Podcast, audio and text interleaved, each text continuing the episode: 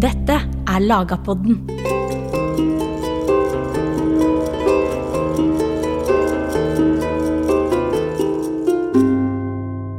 Landslova av 1274 er ei av få riksdekkende lovbøker i europeisk høgmellomalder. Og den fikk ei lang levetid og ei større utbreiing enn de andre.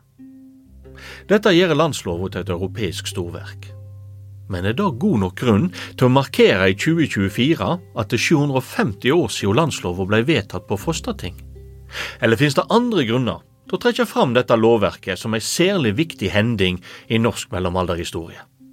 Du lytter til Lagerpodden, en podkast fra Nasjonalbiblioteket. Mitt navn er Jørn Øyrehagen Sunde.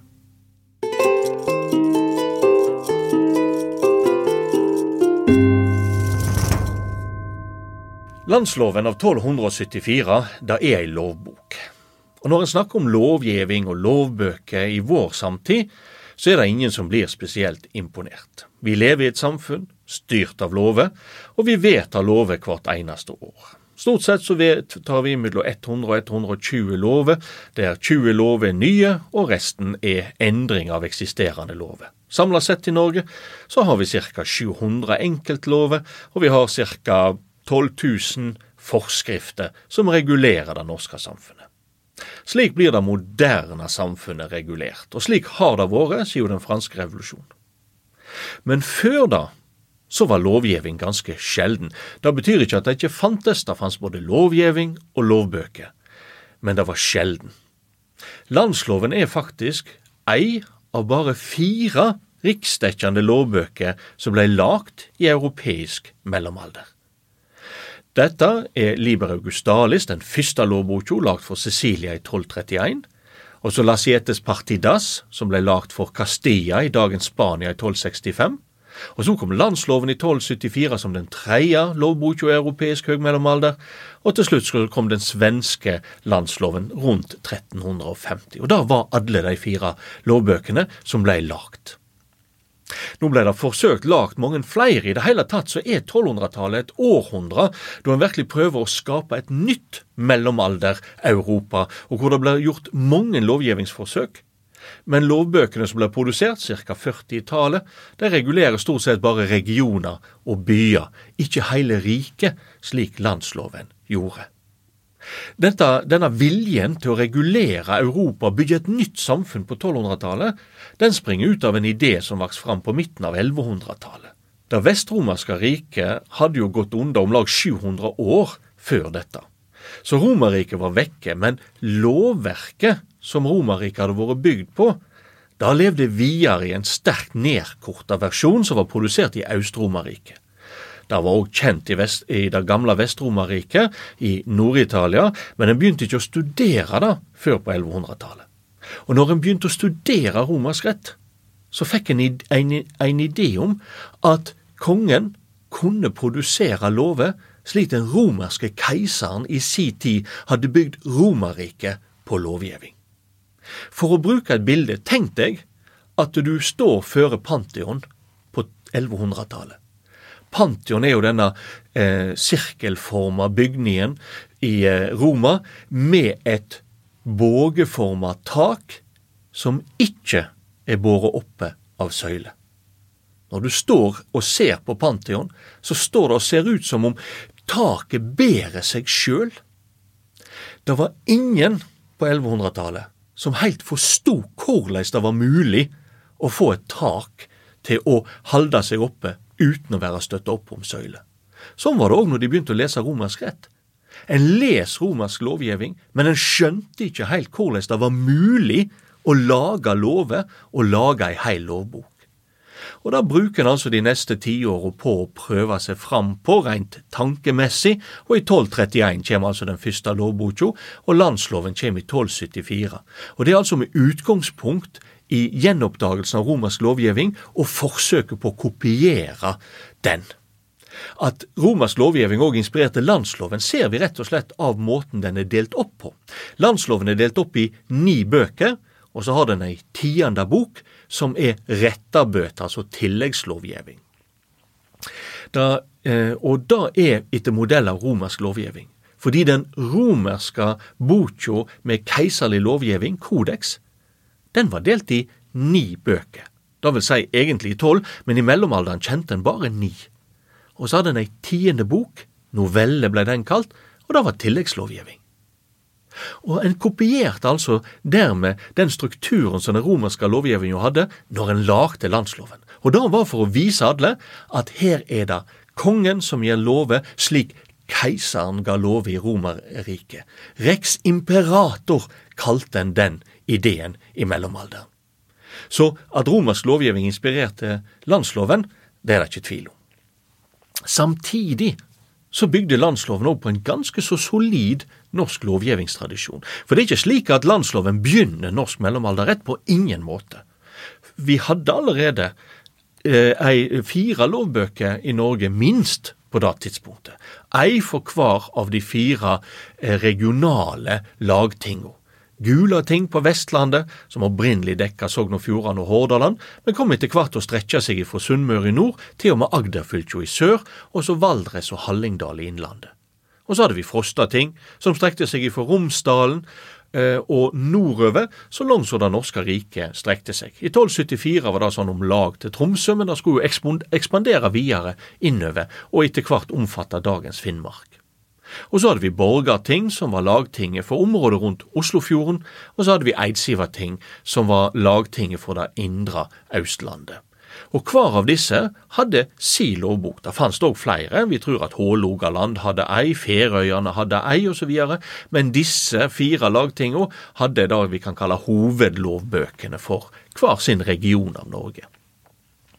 Men de var ikke nødvendigvis basert på lovgivning. De var en samling av rettsregler som kunne ha veldig ulikt opphav. Noe var lovgivning, noe var rettspraksis, noe var sedvaner, osv. Men disse fantes altså, så det fantes en lovgivnings... Eh, det fantes rett i Norge før landsloven, og de omfatter òg altså delvis lovgivning. Når en begynte med lovgivning i Norge, det er litt vanskelig å si, men i alle fall midt på 900-tallet. Da er det Håkon den gode som gir ei ny forsvarsordning for Norge, vi kaller det for Leidangen. Den ble bare gitt på Gulating. Og så ser vi at de adopterer den på Frostating på begynnelsen av 1000-tallet, og den skal etter hvert omfatte hele Norge, men da er vi altså på seint 11-, tidlig 1200-tall. Så, men det er den første spede lovgivninga, og Håkon den gode han var jo til oppfostring i England, og han lærte rett og slett lovgivningsteknikk der. Den neste store lovgivninga kommer i 1024, og da er Olav den hellige som gjør ei riksdekkende lov for Norge. Vi veit ikke hvor omfattende den var, men den omfatter eh, en god del av det som seinere er kjent den, eh, den, som den eldre Gulatingsloven. Hvor stor del en stad, sånn ca. 20-30 Det er litt vanskelig å si, for veldig mye av den lovgivningen er, er gått tapt. I det hele tatt så er den vanskelig å studere i dag. Og så og den lovgivningen hadde han lært i Normandie, i Rouen, eh, der eh, han var i tjeneste hos erkebiskopen i Normandie, der det fantes ideer om lovgivning på det tidspunktet. Og så har vi Magnus Erlingsson, som ga ei riksdekkende lov 1163-1164, som var inspirert, nokså sikkert, av romersk lovgivning. Da kan vi si fordi den lova som Magnus Erlingsson gjør på det tidspunktet, den inneholder regler som en må ha kommet over mens en studerte romersk rett i Nord-Italia noen tiår tidligere. Så allerede da ser vi at den romerske lovgivninga begynner å påvirke vår måte å tenke på og vår rett. Men det fantes altså lovgivning. Håkon den gode ga lover i en engelsk tradisjon, Olav den hellige i en normannisk tradisjon og Magnus Erlingsson i en romersk tradisjon. I midt på midten av 900-tallet, ca. 1024 og 1163-1164. Så det fantes en ganske solid norsk lovgivningstradisjon som Magnus Lagerbøter kunne gå inn og bygge videre på. Og han gjør ikke bare ei lovbok. Altså Han gir ei av fire riksdekkende lovbøker. Du har altså Lasietes partida, unnskyld, Liber Augustalis fra 1231, Lasietes Partidas fra 1265, og så har vi landsloven fra 1274 og den svenske riksdekkende lovboka fra midten av 1300-tallet. Fire lovbøker der landsloven er den tredje. Men ikke bare var han en av de som ga ei riksdekkende lovbok, men han ga fire lovbøker. Du har altså landsloven av 1274, som er den viktigste. Så kommer en bylov ifra 1276. Det var om lag ett dusin byer i Norge på dette tidspunktet. Nordligste byen var Vågan i Lofoten. Og så hadde vi jo selvsagt Nidaros, dagens Trondheim, der erkebispen hadde sitt sete. Og så hadde vi Bergen, som var den største handelsbyen i Norge. Og så hadde vi rundt Oslofjorden ikke mindre enn fire byer. Der lå jo Skien, Tønsberg, Oslo og Sarpsborg. Og så hadde vi Innlandet, eh, Hamar for eksempel. Så dette var blant de viktigste norske byene. Og De hadde behov for ei- og byregulering, først og fremst for handelsforhold, men òg med brannforskrifter. Brann var et stort problem for de norske byene, som bestod hovedsakelig av trehus. Så Derfor kom det ei og bylov i 1276, der ca. 50% av byloven er rett og slett henta fra landsloven, og det er jo fordi de samme reglene om f.eks. arv, de gjaldt jo like mye på landet som i byene. Men 50% er altså særegne regler for byforhold. Og så fikk vi òg ei administrasjonslov, den er kalt for hirdskrå. Det er ikke helt rett å kalle den for ei administrasjonslov, men det er nå den enkleste måten å forklare den på.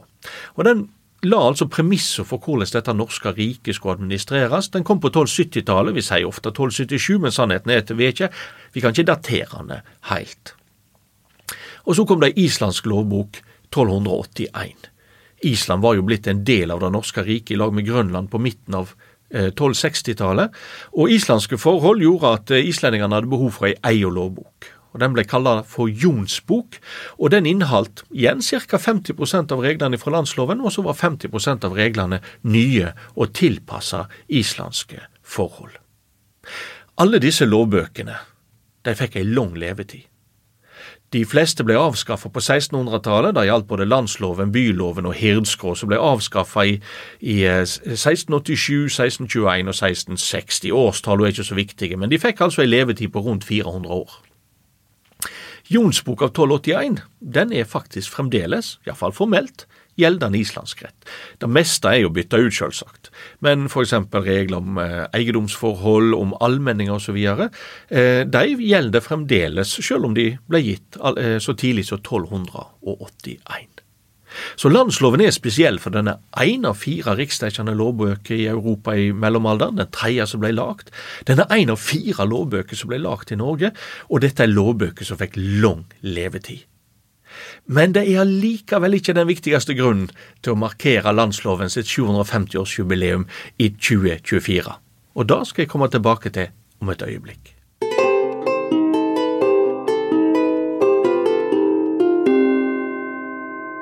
Landsloven den var ei av fire riksdekkende lovbøker lagd i europeisk mellomalder, og når det ikke var flere som lykkes med å gi riksdekkende lovbok, så var det fordi dette var veldig krevende. Du måtte ha en sterk motivasjon, og du måtte ha et apparat rundt deg som var i stand til å produsere ei slik lovbok. Så hvordan blei landsloven egentlig lagd? Vel, Det viktige utgangspunktet er at du må ha noen som er sterkt motivert og vil bruke all sin politiske kapital på å lage ei slik lovbok. Og den personen er Magnus Lagerbøter og det er hans viktigste funksjon.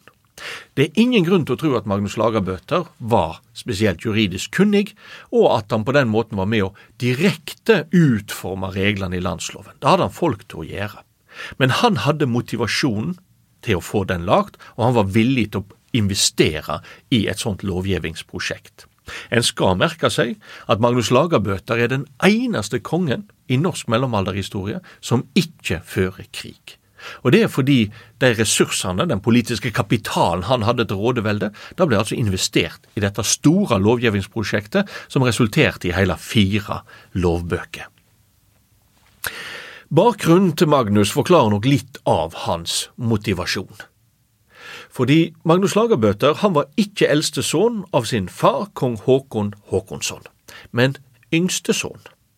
Dermed så var det all grunn til å tro både for han sjøl, men ikke minst for alle andre i styringsapparatet, at det var ikke han som skulle bli konge. Da var det den eldre broren, Håkon den yngre, som skulle bli. Han ble òg tatt til konge veldig tidlig, og regjerte iallfall i navnet sammen med faren sin, Håkon Håkonsson. Hva planer en hadde for Magnus, er litt vanskelig å si. Men eh, ifølge Lanakos-krøniken, som er en skotsk krønike, så fikk han sin utdannelse, eller han fikk undervisning, hos fransiskanerne i Bergen. Det er ikke uvanlig at en yngre kongssønn får ei geistlig utdannelse. Det var mange som fikk i Europa, og for eksempel så ble Magnus Lagerbøter si søster Kristina gift med prins Filipe i Castilla i dagens Spania, og han hadde, var i utgangspunktet tenkt å ha en kirkelig karriere, men så ble han altså heller gift med den norske prinsessa, og dermed så var det utelukka. Men dette var altså ikke en uvanlig ting i Europa. Det som er litt uforståelig, det er jo at Magnus nettopp er hos fransiskanerne og ikke hos dominikanerne. Dominikanerne var en kunnskapsmunkeorden. De var situert ute på Holmen i Bergen der Håkonshallen lå, altså rett ved Slottet. Og på mange måter kunne en jo tenkt seg at kong Håkon Håkonsson sendte sønnen sin til dominikanerne for å få undervisning. Men det gjorde han altså ikke. Han var hos fransiskanerne.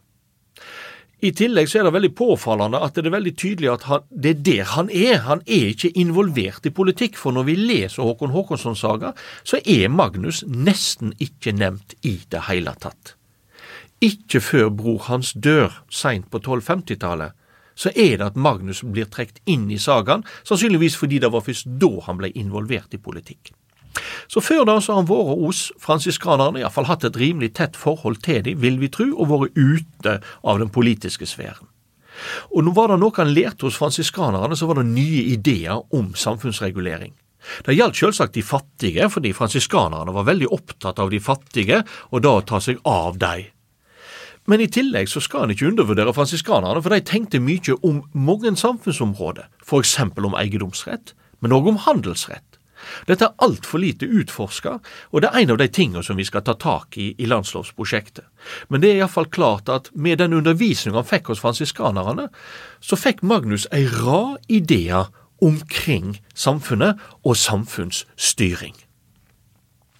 Så han hadde ideer om dette, og han hadde en sterk motivasjon for å gi ei landslov, fordi det var et stort behov i samfunnet, samtidig som det var en trend ute i Europa. Men det var nok ikke han, som jeg allerede har sagt, som utforma de konkrete reglene. Til da hadde han andre folk rundt seg. Vi er nokså sikre på at en av de som var med og skrev landsloven, kanskje han var til og med hovedarkitekten bak landsloven, da var Audun Hugleiksson. Han var på dette tidspunktet en, ja, en heller ja, en, en, viktig aristokrat. vi veit ikke om han var utdanna i juss i Nord-Italia, men han kan meget vel ha vært det. Bakgrunnen for den påstanden er ikke selve landsloven, selv om den er absolutt prega når det gjelder systematikk og hvordan reglene kobler sammen, så er den prega av den typen kunnskap du kunne lære hvis du studerte romersk rett i Nord-Italia. Men hvis en ser på hirdskrå, altså den, det som jeg kalte for en administrasjonslov, som er en veldig forenkling, så er den litt mer spesiell. Fordi landsloven den måtte ta, ta, eh, ta hensyn til den eksisterende rettstradisjonen som fantes. Da måtte en ikke med hirdskrå, fordi det var ikke en lov for hele folket, det var bare en lov for kongens administrasjon, og den bestemte han over ganske alene. Der sto dermed den som førte lova i penn mye friere. Og hirdskrå er helt perfekt strukturert etter det idealet som en formidla gjennom undervisninga på universitetet i Nord-Italia. Den som skrev land, eh, Hirdskrå, må ha hatt kunnskap ifra romerrettsstudiet. Og Audun Hugleiksson er altså den som vi tror har vært hovedarkitekten. Det er fordi han i islandske kjelder annet blir sagt å være den mest kunnige mannen i Norge i heimlig rett, altså i den eldre norske rettstradisjonen. Og skulle du forandre retten, så måtte du ta utgangspunkt i det eksisterende, ergo måtte du ha kunnskap om den. I tillegg så var han stallare. Stallare, det var en gammelt begrep, men vi kan si at det var han som hadde ansvaret for kongen sine juridiske ting. Han var ikke alene om å være stallare, de var vel to, men han var iallfall en av de, og tydeligvis den mest kunnige i heimlig rett. Så har vi andre, som Tore Biskopsson, som òg var en viktig person. Han eh, mistenker har fått en geistlig utdannelse, og dermed hadde god kunnskap om kyrkja sin rett, det vi kaller for den kanoniske retten. Det var fordi kyrkja delte statsmakta i lag med kongen, og den kongelige lovgivninga måtte legge seg tett opp til, men ikke gå inn på området der kyrkja var lovgiver. Og Kyrkja lovga altså gjennom den kanoniske retten, og da var det viktig å ha kunnskap om den for at den grensegangen skulle bli gått opp korrekt. En tredjeperson som en tror var med, er Askatin, som var biskop i Bergen. Han var tidligere sendemann, vi kan kalle det ambassadør for Håkon Håkonsson. Han var av engelsk opprinnelse, og landsloven har nok òg tatt inspirasjon av engelsk rett, ikke bare romersk og kanonisk rett. Og Grunnen til det er at spesielt eh, domstolsordninga i England, og det vi kaller prosessretten, altså hvordan du skulle føre saker for domstolene, eh, den var den mest utvikla i Europa på dette tid. Og England var rett og slett et juridisk foregangsland, og engelsk rett ved siden av kanonisk og romersk rett var nok gode inspirasjonskjelder å ha når du skulle forandre den eksisterende norske retten. Så pleier en ofte å regne med en fjerdemann, Lodin Lepp. Han var ikke spesielt juridisk kunnig, så vidt vi vet. Eh, han hadde sannsynligvis studert, og han var en sendemann, en slags ambassadør. Og han var en viktig person fordi han hadde vært i Castilla i dagens Spania i 1257-58. Og det var viktig, for som allerede sagt, det andre lovverket som ble produsert, riksdekkende lovverket som ble produsert i Europa i høgmellomalderen, det var i Castilla, i dagens Spania. Og i motsetning til Liber Augustale, som ble lagd i 1231, så er Lasietes Partidas, som var ferdig i 1265, et fantastisk flott lovverk. Og da at de var der nede på det tidspunktet det var påbegynt, og kunne se hvordan en lagde et lovverk, rett og slett komme inn i skrivestua i sjølve laboratoriet og se hvordan en komponerte ei lov. Ja, det må ha vært veldig viktig. Så han satt med en god del kunnskap som ikke var nødvendigvis regelkunnskap, som de andre hadde, men kunnskap om sjølve den politiske prosessen med å skape ei lov. Så Lodin Lepp regnes som den fjerde viktige person for å skape landsloven, altså ved sida av Magnus Lagerbøter sjøl. Så det har ikke vært noen stor gruppe. Er det fordi Norge var et lite land? Nei, det var omtrent så mange personer ved ethvert hoff i Europa som hadde spesiell juridisk kunnskap og forvalta det juridiske innenfor statsstyrelsen, så dette er ikke spesielt få personer. Så hadde jo selvsagt medhjelpere, skrivere, gjerne med en geistlig utdannelse som kunne og eh, både lovmateriale, men, men, ikke minst beherske skrivekunsten, og da strukturere regler i forhold til hverandre. Så hvis vi tenker seg at de hadde en tre-fire skrivere kanskje hver, så vil vi få ei gruppe på en 12-15 eh, personer, sånn omtrent, som er de som fører landsloven i pennen og utformer sjølve lovverket. Da med Magnus Lagerbøte som motivator og den som politisk gjør dette mulig.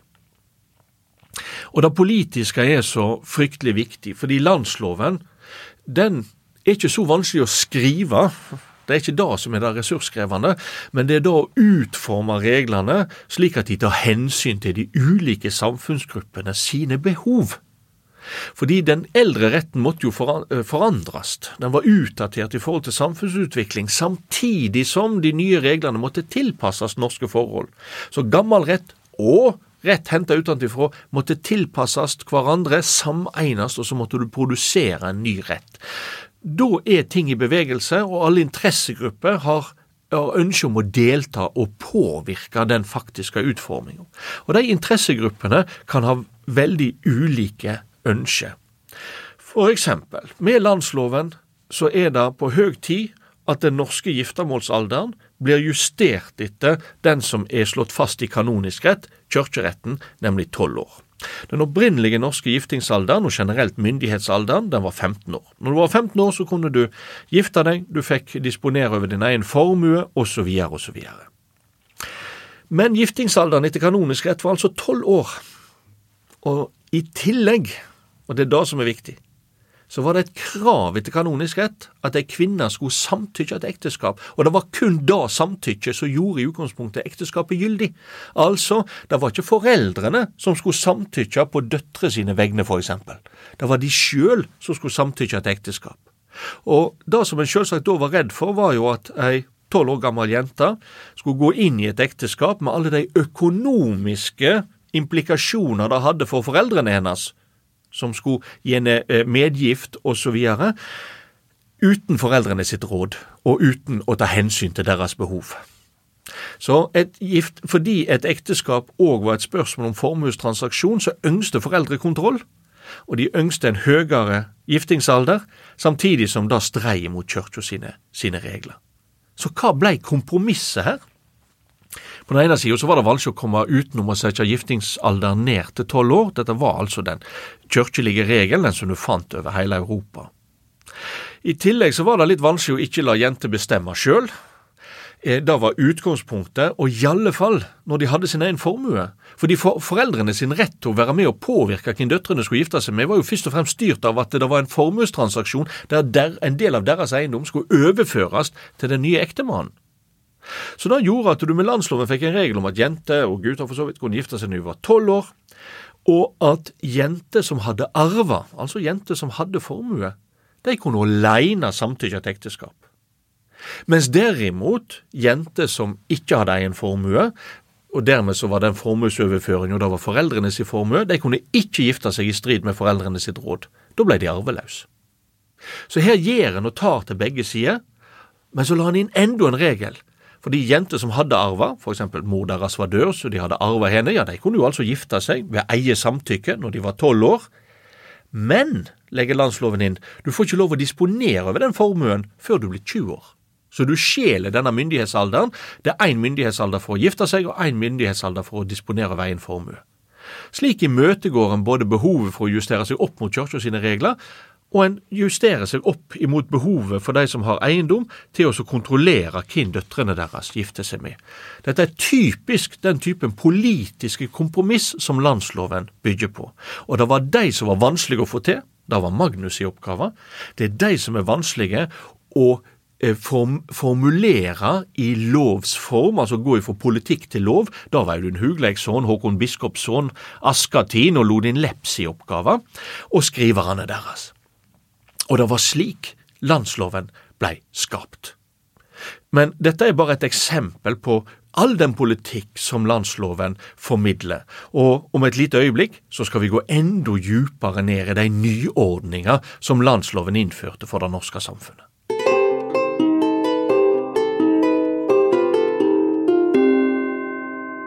Landslova av 1274 må en altså forstå som et stort politisk kompromiss mellom de ulike interessene som fantes i det norske samfunnet på siste halvdel av 1200-tallet.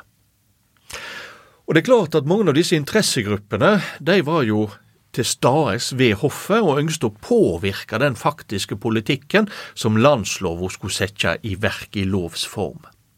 Men ikke alle interessegrupper var representert der og ei viktig gruppe, som for så vidt kanskje hadde, vi kan si hadde de geistlige som sin talsmann, men allikevel ei viktig gruppe som i utgangspunktet ikke hadde sine folk, i alle fall, ved hoffet, det er jo de fattige.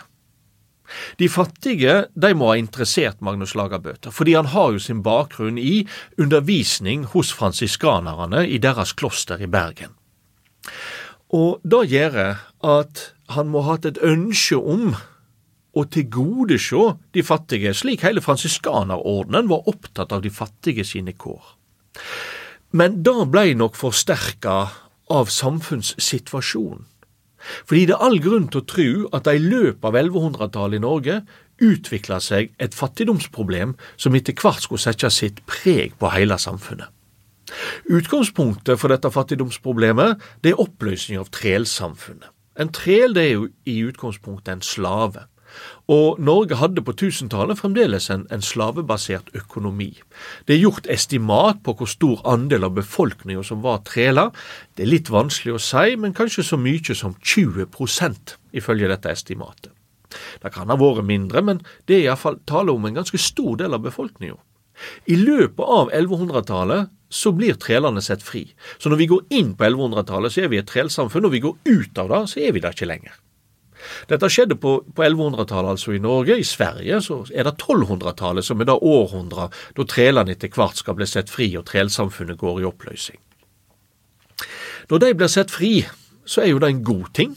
Da er det ingen som kan drive dette arbeid med slag både oventil og nedantil, som det heter i den eldre Gulatingsloven. Men på den andre sida så har de utgangspunktet ingenting. Ikke har de lenger hus, ikke lenger har de kost, ikke har de noe kapital, uten at deres tidligere eier ønsker å ta vare på dem, og ei sånn omsorgsplikt slår den eldre Gulatingsloven ganske krast fast, den fantes ikke. Men en kunne jo gjøre det hvis en ønskte.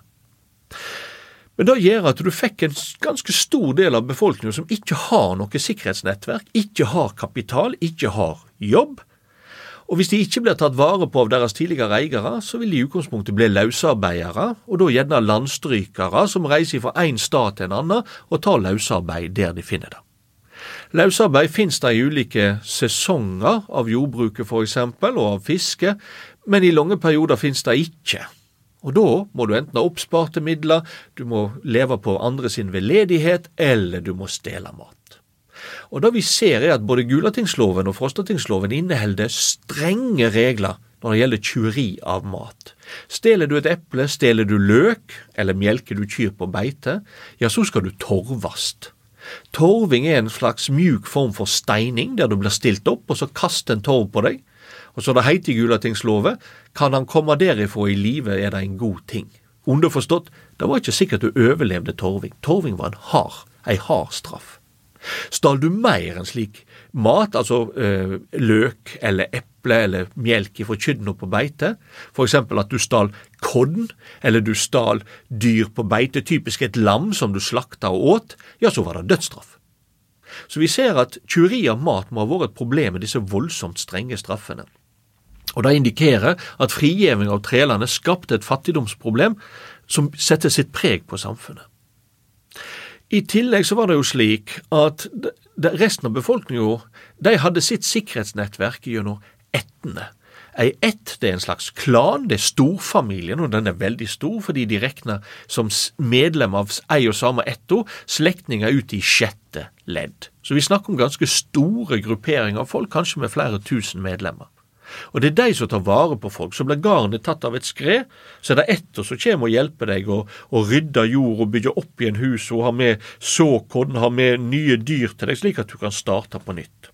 Men hvis etto ikke kjenner den plikta, så hvis garnet blir tatt av et skred, så er kanskje din økonomiske situasjon fullstendig ødelagt, og du sjøl blir en landstryker til liks med de frigjevne trelerne som lever av løsarbeid og gjerne småtjuveri av mat.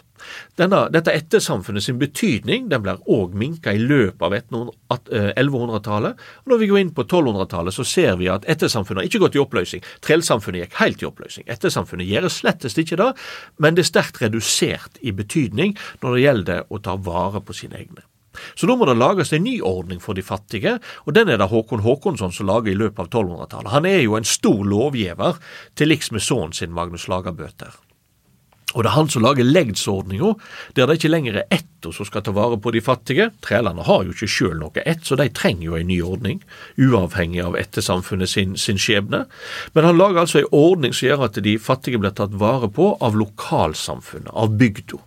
Så han lager en ordning der de fattige går på legd, de går ifra hus til hus, og er hver, på hver gard, kanskje et par ukers tid, der de får mat og de får losji, ser vi gjerne på loftet på sauehuset og får litt enkel mat, og så blir de transportert videre til neste hus. Og den ruta, legdsruta, den følger samme eh, vei som eh, budstikka skal gå. Og Det er en av grunnene til at landsloven er så opptatt av veibygging og vedlikehold av vei, fordi den var f.eks. fundamentet for denne legdsordninga. Den skulle stå ved lag helt fram til 1919, men det er en annen historie. Men vi ser altså at det hadde skjedd noe allerede før landsloven. Men landsloven går enda djupere inn i denne problematikken, og må inngå en masse, og Magnus Lagerbøter må ha inngått en masse politiske kompromiss for å få en bedre ordning for å ta vare på de svakeste i samfunnet. For eksempel så innfører han indirekte en almisordning. At det skjer indirekte, viser hvor vanskelig det har vært politisk, men han får det likevel til. På den måten at han sier at tjuveri det skal strengt straffes. Det hadde det jo blitt historisk òg. Men så sier han, men ikke dersom tjuveriet er gjort fordi du holder på å svelte, og det er dermed helt nødvendig å stjele for å få mat og overleve. Altså, de som holder på å svelte, de kan fritt ta den maten de trenger, for de kan ikke straffes. Slik innfører han indirekte en almisseplikt, for kommer det da noen på døra di og tigger mat og du ikke gir dem noe, så kan de rett og slett gå på beite og melke kyrne, og de kan stjele epler fra eplehagen din, hvis de vil, for du kan ikke straffe dem. Slik fikk du innført ei almisseplikt, men den er bare for det de kalte for de verdig trengende. De uverdig trengende, der fantes det ikke noe almisseplikt. Der har du en egen regel om gongumenn, heter det, de som går imellom gardene. For hvis det kommer noen og tigger mat på døra di som er arbeidsføre, så skal du ikke gi dem mat. Du skal sette dem i arbeid, og så skal de arbeide for maten. Og vil de ikke arbeide, så skal du gi dem en omgang juling og sette dem til arbeid, og så skal de arbeide for maten. Det er de uverdig trengende. Her ser en igjen dette kompromisset. Du skal gi, men det skal bare være til de som virkelig trenger det. De andre skal du heller kunne sette i arbeid, og du kan bruke ganske sterk fysisk makt for å gjøre det. Et kompromiss mellom ulike interesser i samfunnet. Enda tydeligere ser vi dette når det gjelder de fattige sin mulighet til å arbeide seg ut av fattigdom. De fattige har nok ønsket å drive med handel. Som sagt tidligere, vi hadde ca. tolv byer i Norge i uh, høgmellomalderen. I disse byene fantes det et marked, for eksempel for ved. Så med å selge ved til byene, kanskje du da kunne legge deg opp kapital og komme deg ut av fattigdommen. Det vil være av interesse for de fattige. De ønsker en rett til å drive handel. Samtidig så er det folk som eier jord. Det kan være enkle gårder, men selv der trenger du arbeidshjelp, eller det kan være store jordgods som kloster, kirker og aristokratene satt med. Alle disse trenger arbeidshjelp, og de vil helst ha billig arbeidshjelp. Så hvordan imøtegår du da dette ønsket, der det sitter jordeiere som vil at de fattige skal ta seg jobb på gårdene deres, mens de fattige ikke vil jobbe der, de vil heller drive med handel? Jo, kompromisset i landsloven er som følger at de fattige, de uten eiendom, de må ta seg tjeneste på gårdene ifra påske, når våronna begynner, til ut, nesten ut oktober, når høstånda er over. Så i jordbrukssesongen må de ta seg eh, slik jobb i jordbruket. Mens derimot vinterhalvåret, når jordbruket ikke har da behov for arbeidskraft, så kan de fritt drive med handel. Og dermed så får du et kompromiss som ivaretar interessene på begge sider, og så gjør det mulig både for de fattige og de velstående å kunne akseptere landsloven, fordi de, deres behov og deres interesse er sitt og hørt. Og det er dette som egentlig er landsloven sin storhet. Dette at det er et stykke politisk eh, arbeid som resulterer i ei samfunnsregulering som gjør at folk føler at de blir sitt og hørt, og føler at deres interesse er ivaretatt, slik at de ønsker velkommen den samfunnsreguleringen som kommer. Det er fryktelig vanskelig. Det er vanskelig i dag. Bare spør en politiker på Stortinget om det ikke er vanskelig å finne en lov som alle i større samfunnsgrupper føler ivaretar deres behov. Og Det som er interessant med landsloven, er at det allerede skjer på dette tidspunktet i norsk historie, altså slutten av 1200-tallet. Og Norge er altså ett av få land i Europa som får en riksdekkende lovbok på det tidspunktet. Og det har nok betydd mye i norsk historie. For det første så ser vi at vi begynner på en mange måter den moderne norske staten. Det er litt vanskelig å si det, for det er klart det er et langt stykke fra slutten av 1200-tallet og fram til i dag. Og det går ikke rette linjer gjennom historien. I beste fall så går det lange linjer som er svært krokete. Og dette er ei av de krokete linjene, nemlig da at du så tidlig får statsstyring basert på kompromiss. Og så Som sagt, det går ikke ei rett linje fram til i dag, det går ei ganske krokete linje.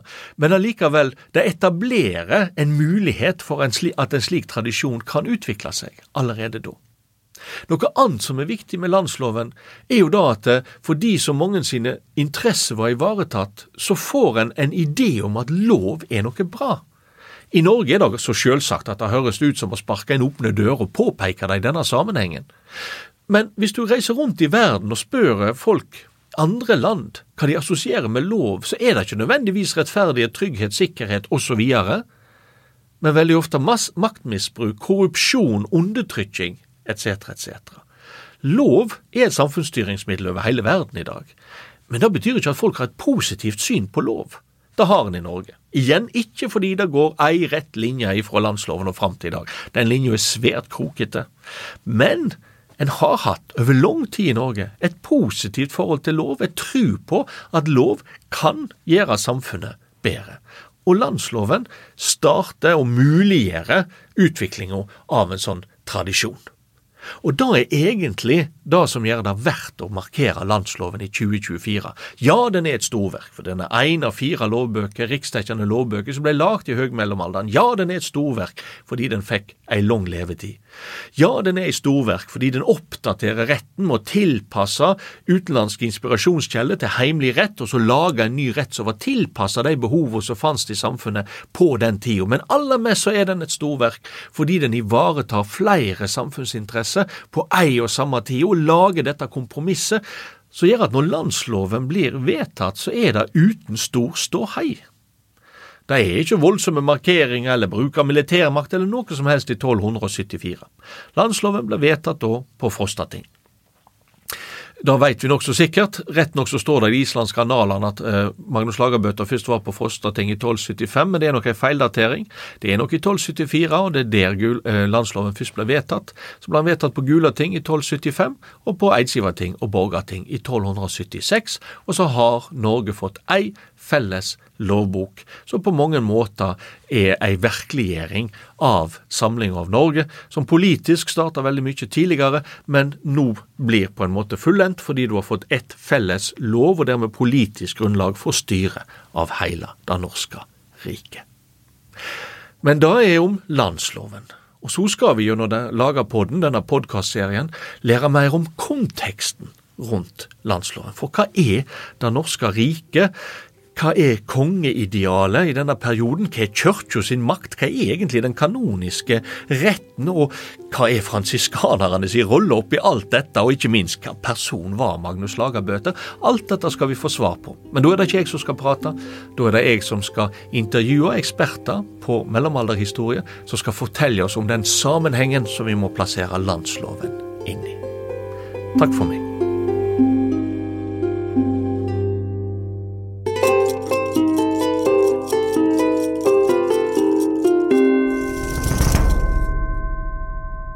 Har hørt en episode av Lagapodden. Musikken i denne podkasten er skrevet og produsert av Øyon Groven Myhren. Hør flere av Nasjonalbibliotekets podkaster på nb.no eller din foretrukne podkastapp.